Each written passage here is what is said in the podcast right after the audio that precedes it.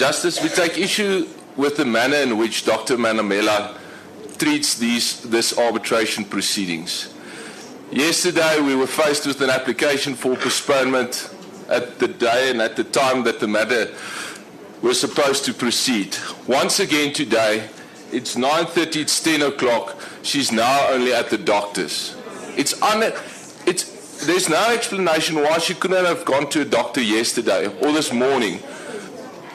And uh, just as we submit that we will stand down and we accept that we will stand down to hear from the doctor and what the doctor has to say, what we submit that Dr. Manamela is not treating these proceedings with the respect that it deserves and the families.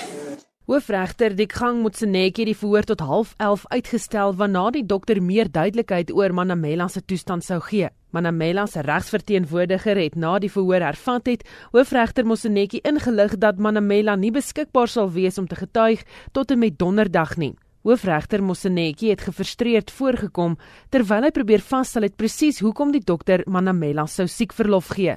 When are we going to see the medical certificate? Uh, I can make sure that the medical certificate uh, uh, uh reach your attention not later by the close of business today. But I will, I will talk to my attorney maybe before. It's either on or before the close of business today. And what do you say we do in relation to your client's attendance? If um, I, as I've indicated earlier on, I don't have any objection if an, a warrant is issued and be stayed over until then. Since we have indicated that my client is happy to, to, to come and, and, and, and proceed with it. And why only on Thursday? Do you know? It's as per the recommendation of the doctor.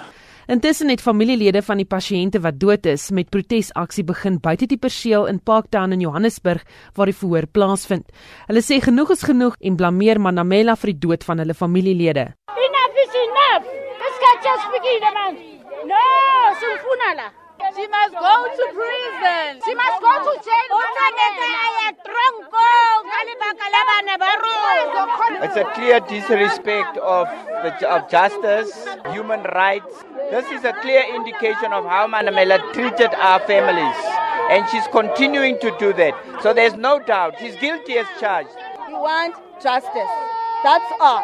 Manamela het gister getuig dat verskeie van die nie-regeringsorganisasies waarheen die pasiënte geskuif is, maande lank nie betaling ontvang het van die regering nie. Baie van die organisasies het getuig dat hulle moes smeek om hulp en op donasies aangewese was.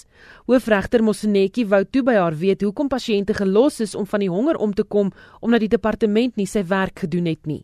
Dr. Manamela, why did you not make arrangements for them to be paid on day one when they received okay, patients. We wrote a letter to finance from my unit to ask that they be paid upfront.